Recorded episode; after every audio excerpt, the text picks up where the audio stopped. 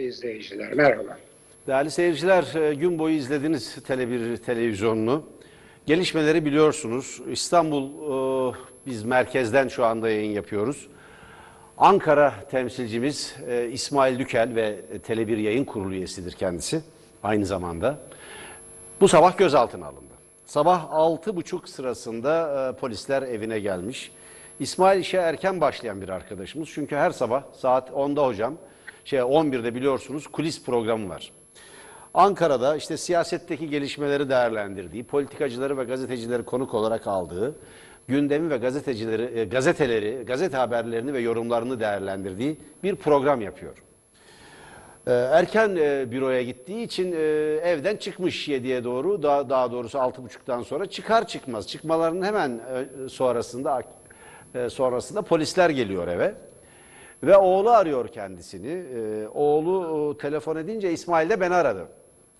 Dedi ki ya eve polisler gelmiş gözaltına alma kararları da varmış. Oğlum öyle söyledi e, diye e, aradı beni.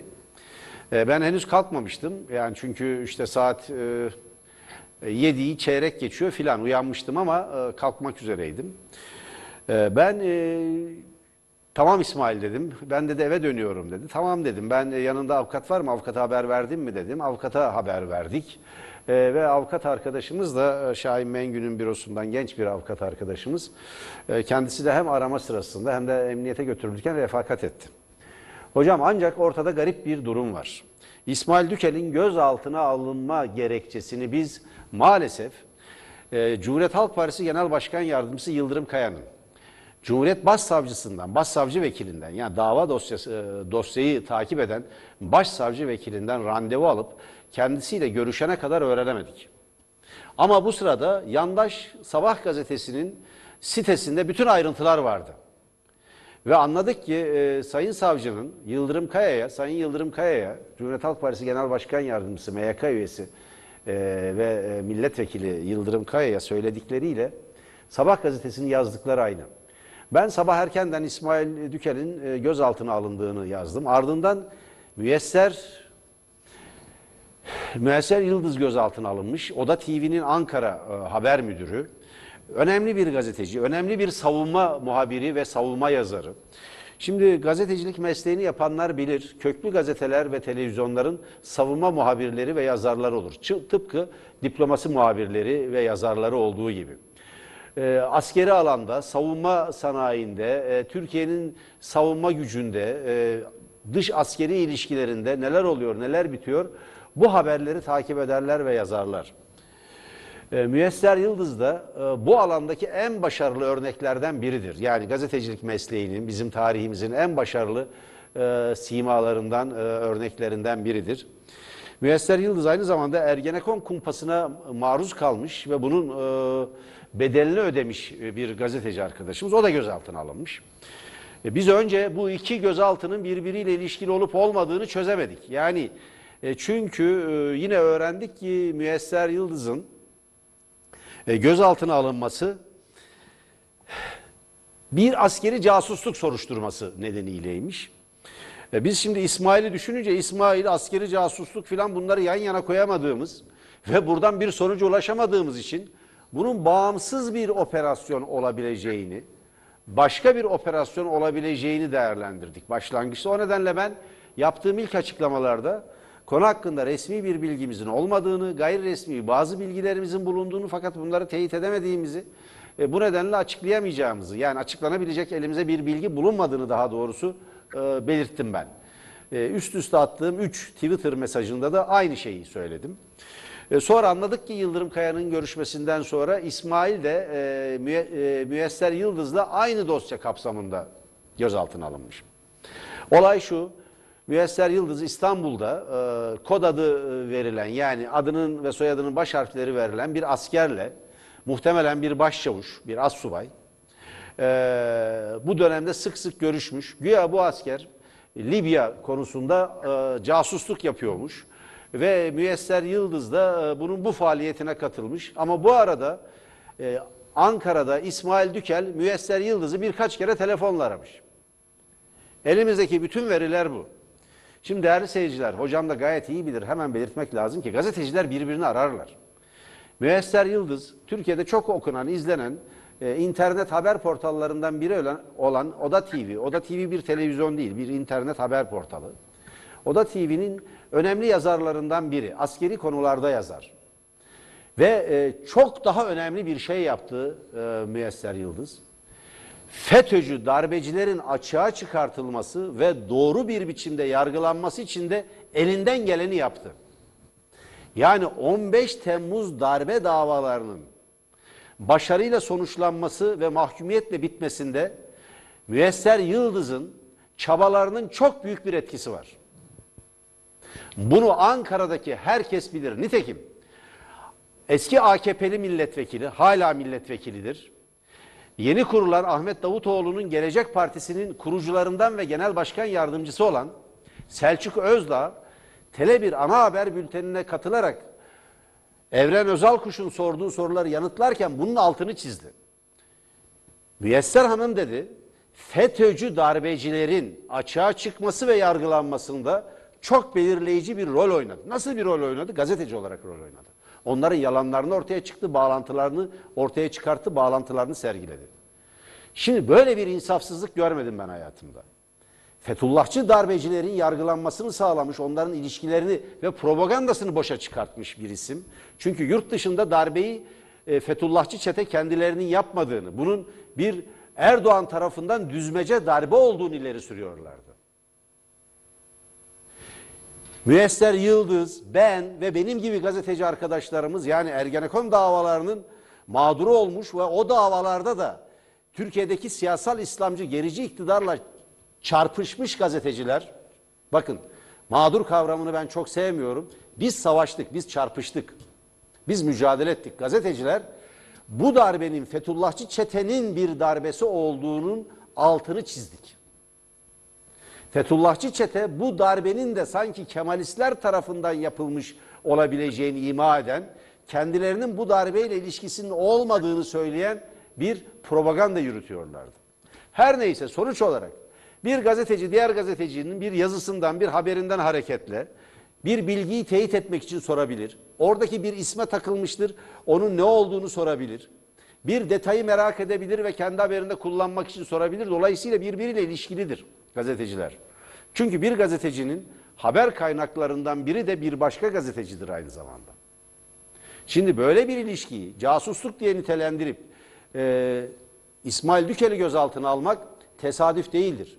Türkiye'nin yükselen kanalı Tele1'e ve Tele1 gibi bağımsız medya kuruluşlarına ki Tele1 onların önemli ve çok iyi bir örneğidir. Önde gelen bir örneğidir. Az sayıdaki bağımsız medya kuruluşunun en önemli örneğidir, örneklerinden biridir. Tele1 ve Tele1'in temsil ettiği gazetecilik anlayışına bir gözdağı vermek amacı vardır. Bundan eminiz. Kendi amaçları nedir bilmiyoruz ama bu amacın içinde olduğunu, o amaçların içinde olduğuna mutlak bir şekilde eminiz. Yani gözaltıyla gözdağı vermek arasında bir ilişki olduğunu düşünüyorum. Tele1'in etkin ve yaygın izleniyor olması, giderek yükselmesi, Türkiye'yi daha karanlık, daha baskıcı, daha totaliter bir zemine doğru çekmeye çalışan AKP iktidarının yürüttüğü bir dizi provokatif e, girişimin bir parçasıdır. Tıpkı milletvekili dokunulmazlığının kaldırılması gibi daha önce cami provokasyonu e, ve Adana'daki işte bir e, ne diyelim yardım dağıtılması sırasında e, kaymakamla ortaya çıkan tartışmada CHP Gençlik Kolları Başkanı'nın tutuklanmasıyla başlayan ve devam eden provokasyonlar zincirinin tepe noktasıdır diyebiliriz. Şunu söyleyerek bitireceğim hocam. Biz buradayız, görevimizin başındayız. Susmayacağız ve boyun eğmeyeceğiz. Biz gerçeğin peşinde koşmaya, gerçeği açıklamaya, gerçek haber ve yayıncılık yapmaya, habercilik ve yayıncılık yapmaya devam edeceğiz.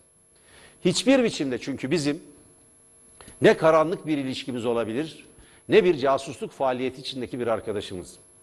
Umuyoruz ve inanıyoruz ki eğer Türkiye'de hala yargı denilen, yargı adını verdiğimiz ve bağımsız olması gereken bir aygıt, bir iktidar erki varsa bu soruşturma en kısa sürede İsmail Dükel ve diğer arkadaşımızın lehine sonuçlanacaktır ve serbest bırakılacaklardır. Bir telefon konuşmasından, bir HTS kayıtlarından hareketle böyle bir sonuca varmak akıl alır gibi değildir. Gazeteciler casusluk yapmaz. Gazeteciler herkesle görüşür, askerlerle de görüşürler. Onların ne haber yaptığına bakmak lazım. Hocam şöyle bir tuzak var. Unut. Uzattım hemen veriyorum. Yo yo devam. Garip bir durum var. Şimdi birileriyle görüşüyorsunuz. Sonra sizi gözaltına alıyorlar. Niye haber yapmadın diyorlar bu görüştüğün konularda. Haber yapıyorsunuz.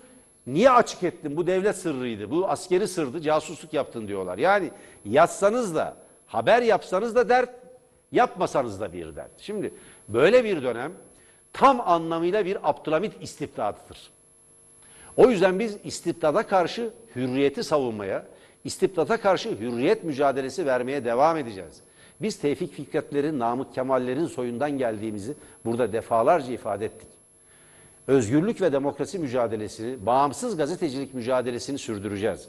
Bir süredir Tele1'e karşı bir eee, örtülü bir operasyon içinde olduklarını biz görüyorduk. Rütük'ten üst üste gelen cezalar, yandaş medyanın bize yönelttiği saldırılar eee, bunun işaretlerini veriyordu. Ama böyle saçma sapan komik bir e, nedenle e, bir arkadaşımızın gözaltına alınması kabul edilir gibi değil. Ben e, buradan e, bütün kamuoyuna, bütün e, seyircilerimize, bütün ülkeye, bütün halka bu gidişe karşı Tele1'le e, dayanışma çağrısı yapıyorum. Demokrasi ve özgürlük için Türkiye'nin bütün demokratik güçlerinin birlik olması gerektiğini düşünüyorum hocam. Buyurun. Evet, şimdi e, değerli izleyicilere önce bir şeyi hatırlatmak lazım. Daha doğrusu iki şeyi hatırlatacağım. Sonra da altı madde teşkil ettim.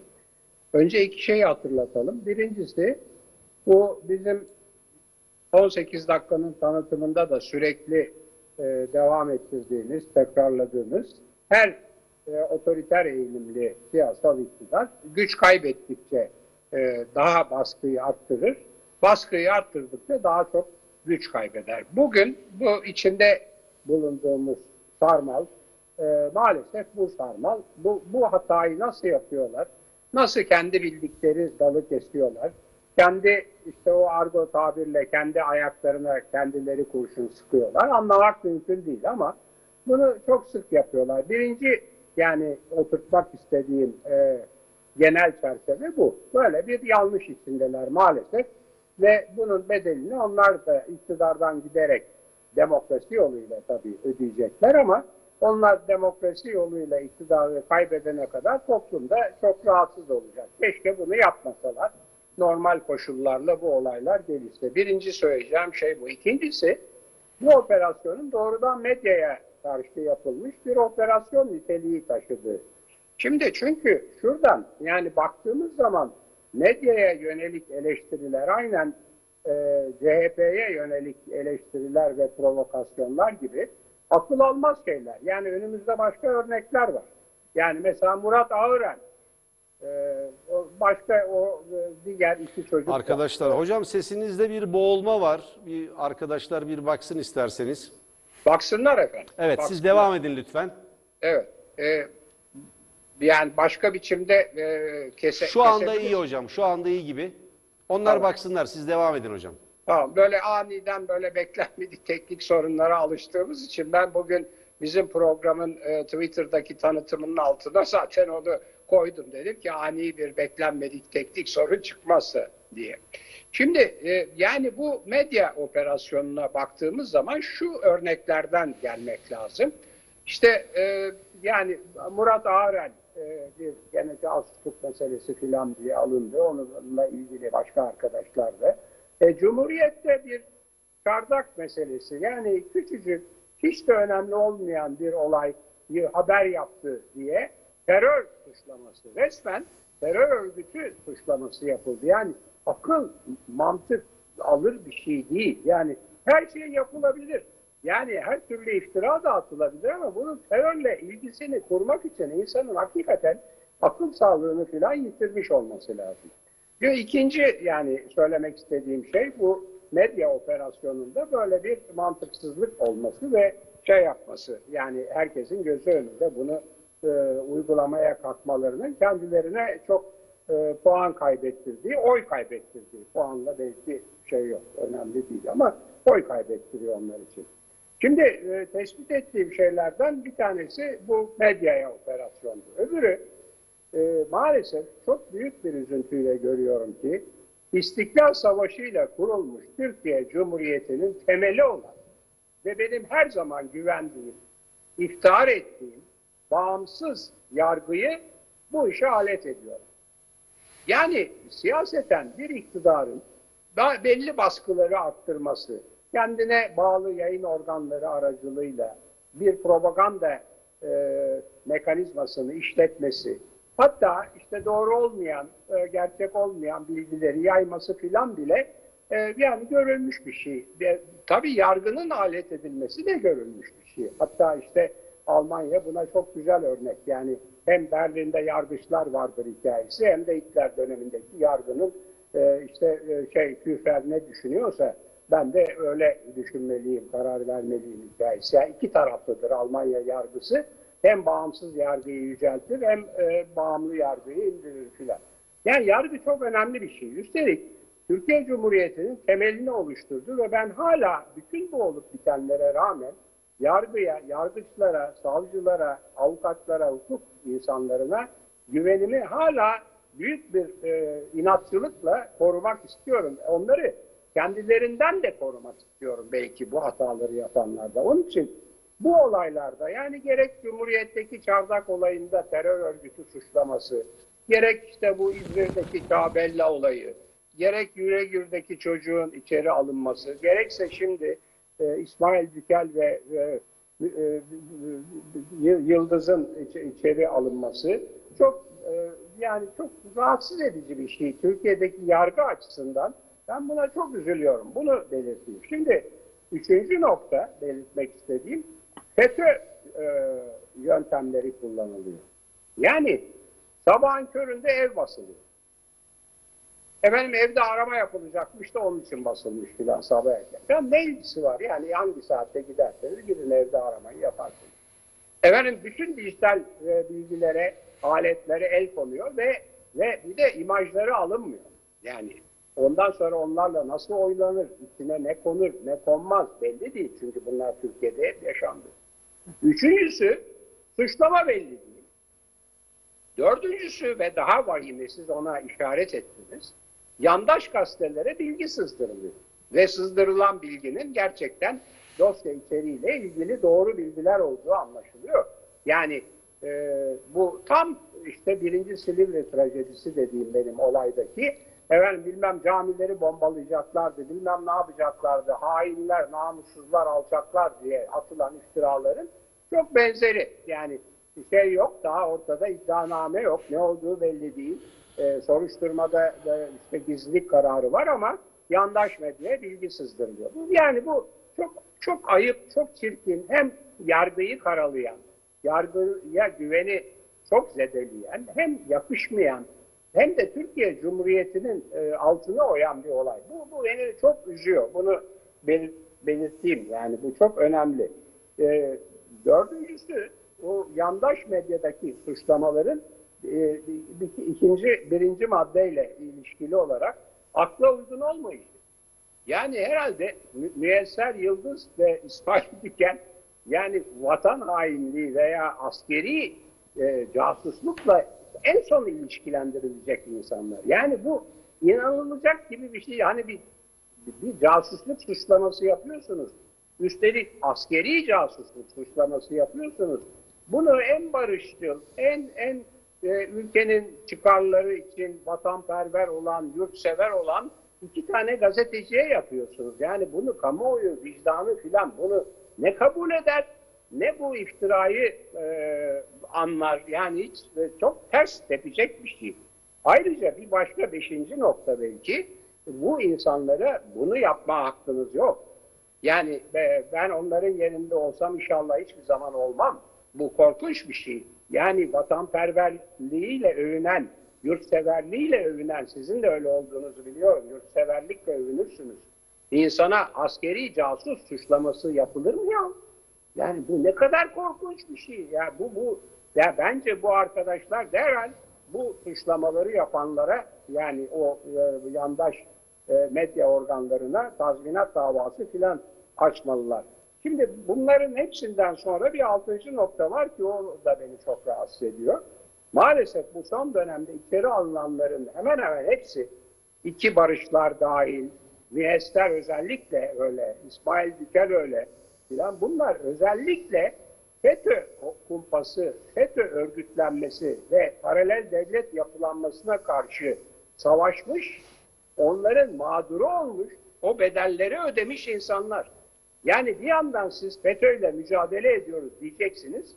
Öbür tarafta sizin daha farkında olmadığınız kendi iddianıza göre, kendi iddianıza göre farkında olmadığınız zamanlar FETÖ'nün maskesini düşüren, örgütün, cemaatin maskesini düşüren, bunun da bedelini hapisler yatarak ödeyen insanları hapse atacaksınız. Üstelik de akla ziyan bir takım suçlamalar.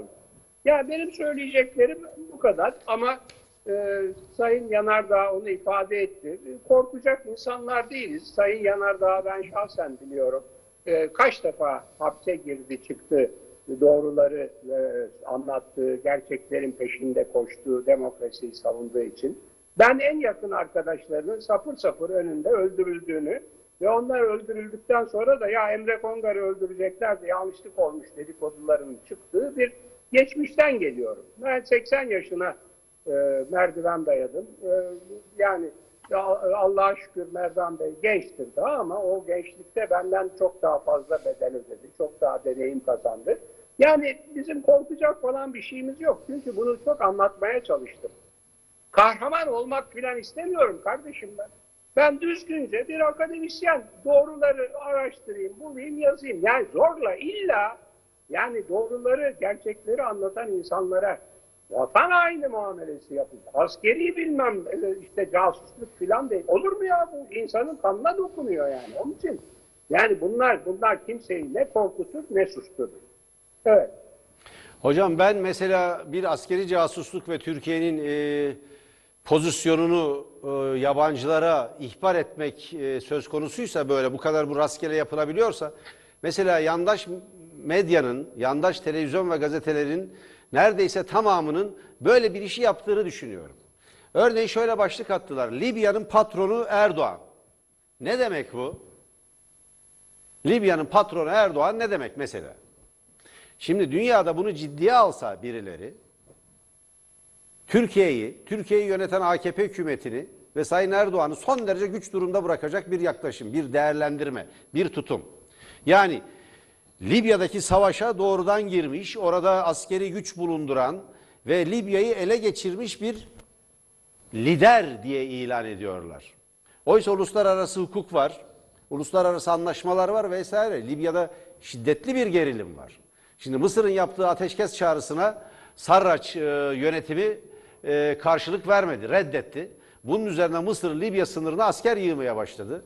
Rusya Hafter yönetimine uçak gönderdi ve Hafter uçak e, hava gücü ki sadece onların orada bir hava gücü var anladığım kadarıyla, bildiğimiz kadarıyla e, Sarraç mevzilerini vurmaya başladı. Çünkü Libya ordusunun neredeyse yüzde sekseni Hafter tarafında.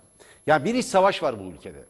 Şimdi bu iç savaşa ilişkin Türkiye'de bir takım haberler yapılıyor. Çünkü Müesser Yıldız'ın Libya ile ilgili bir casusluk davasından gözaltına alındığı iddia ediliyor. Şimdi bu garip tutuma bakar mısınız? Şimdi bu gazetecilerin aldıkları bilgileri haber mi yaptıkları yoksa başka bir yere servis mi ettikleri araştırılacakmış. Soruşturulacakmış.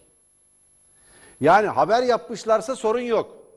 Yapmamışlarsa demek ki başka bir yere sızdırmış sayılacaklarmış. Şimdi garip, tuhaf bir durum. Gazeteci yapmaz bunu. Yaparsa askeri sırlara mensup birisi ya askeri bürokrasi içindedir ya savunma sanayi bürokrasisi içindedir.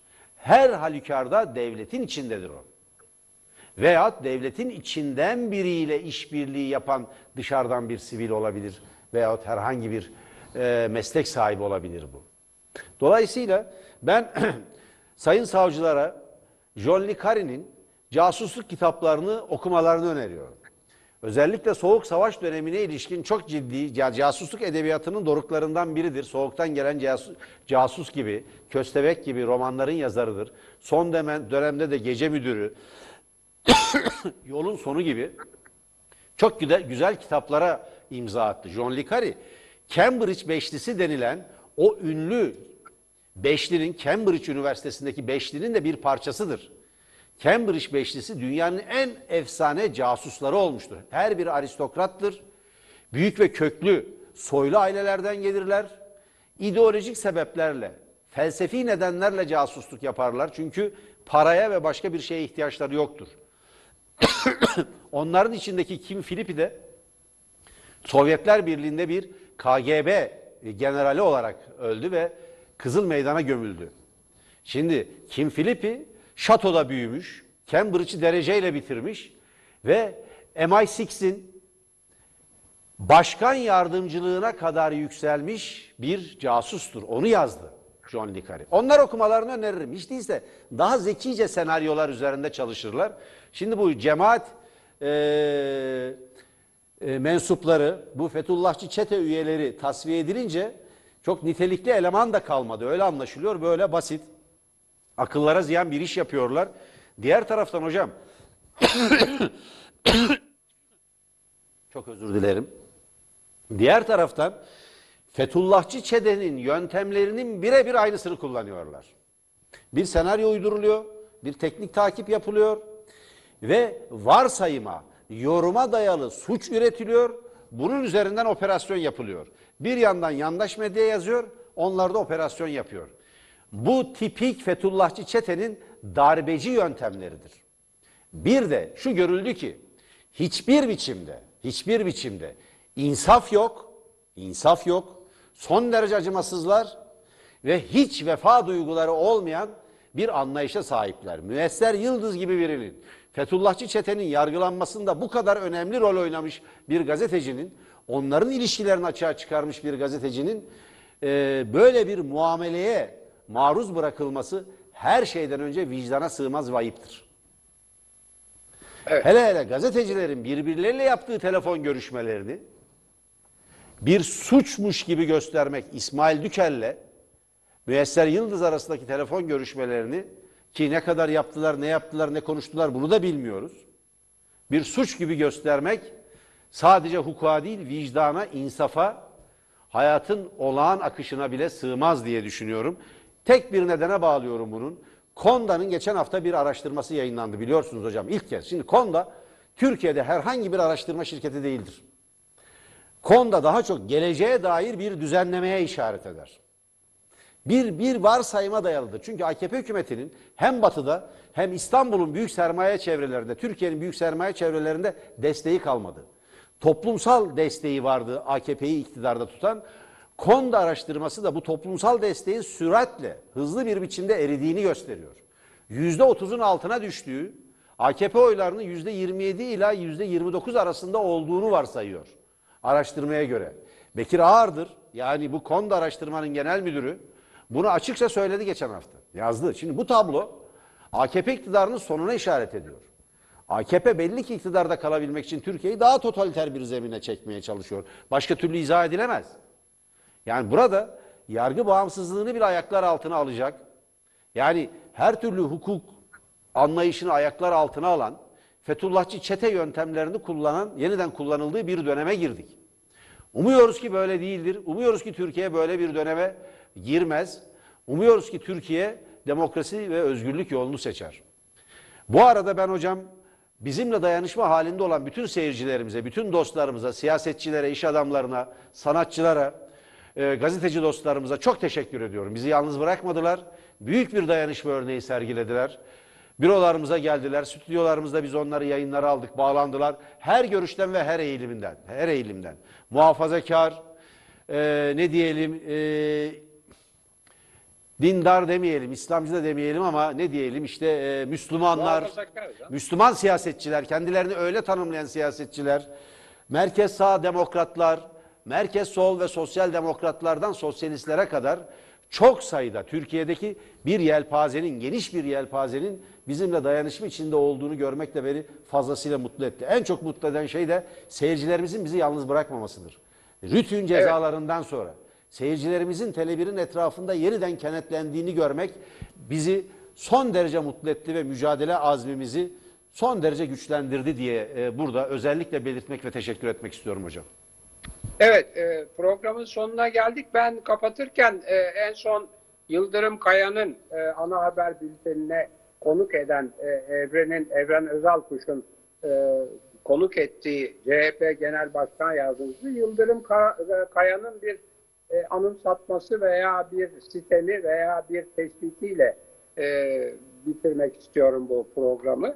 Dedi ki eğer askeri casusluk e, soruşturması, araştırması, e, davası yapılacaksa yapılacaksa o dedi genel kurmayın odasına girmeye, kozmik odaya girmeye yol açan olayları yaratanlar, o odaya girenler, o odadaki bilgileri kopyalayıp dışarı çıkaranlar ve bir yerlere yollayanlar önce araştırılmalı, soruşturulmalı ve onlar hakkında dava açılmalıdır.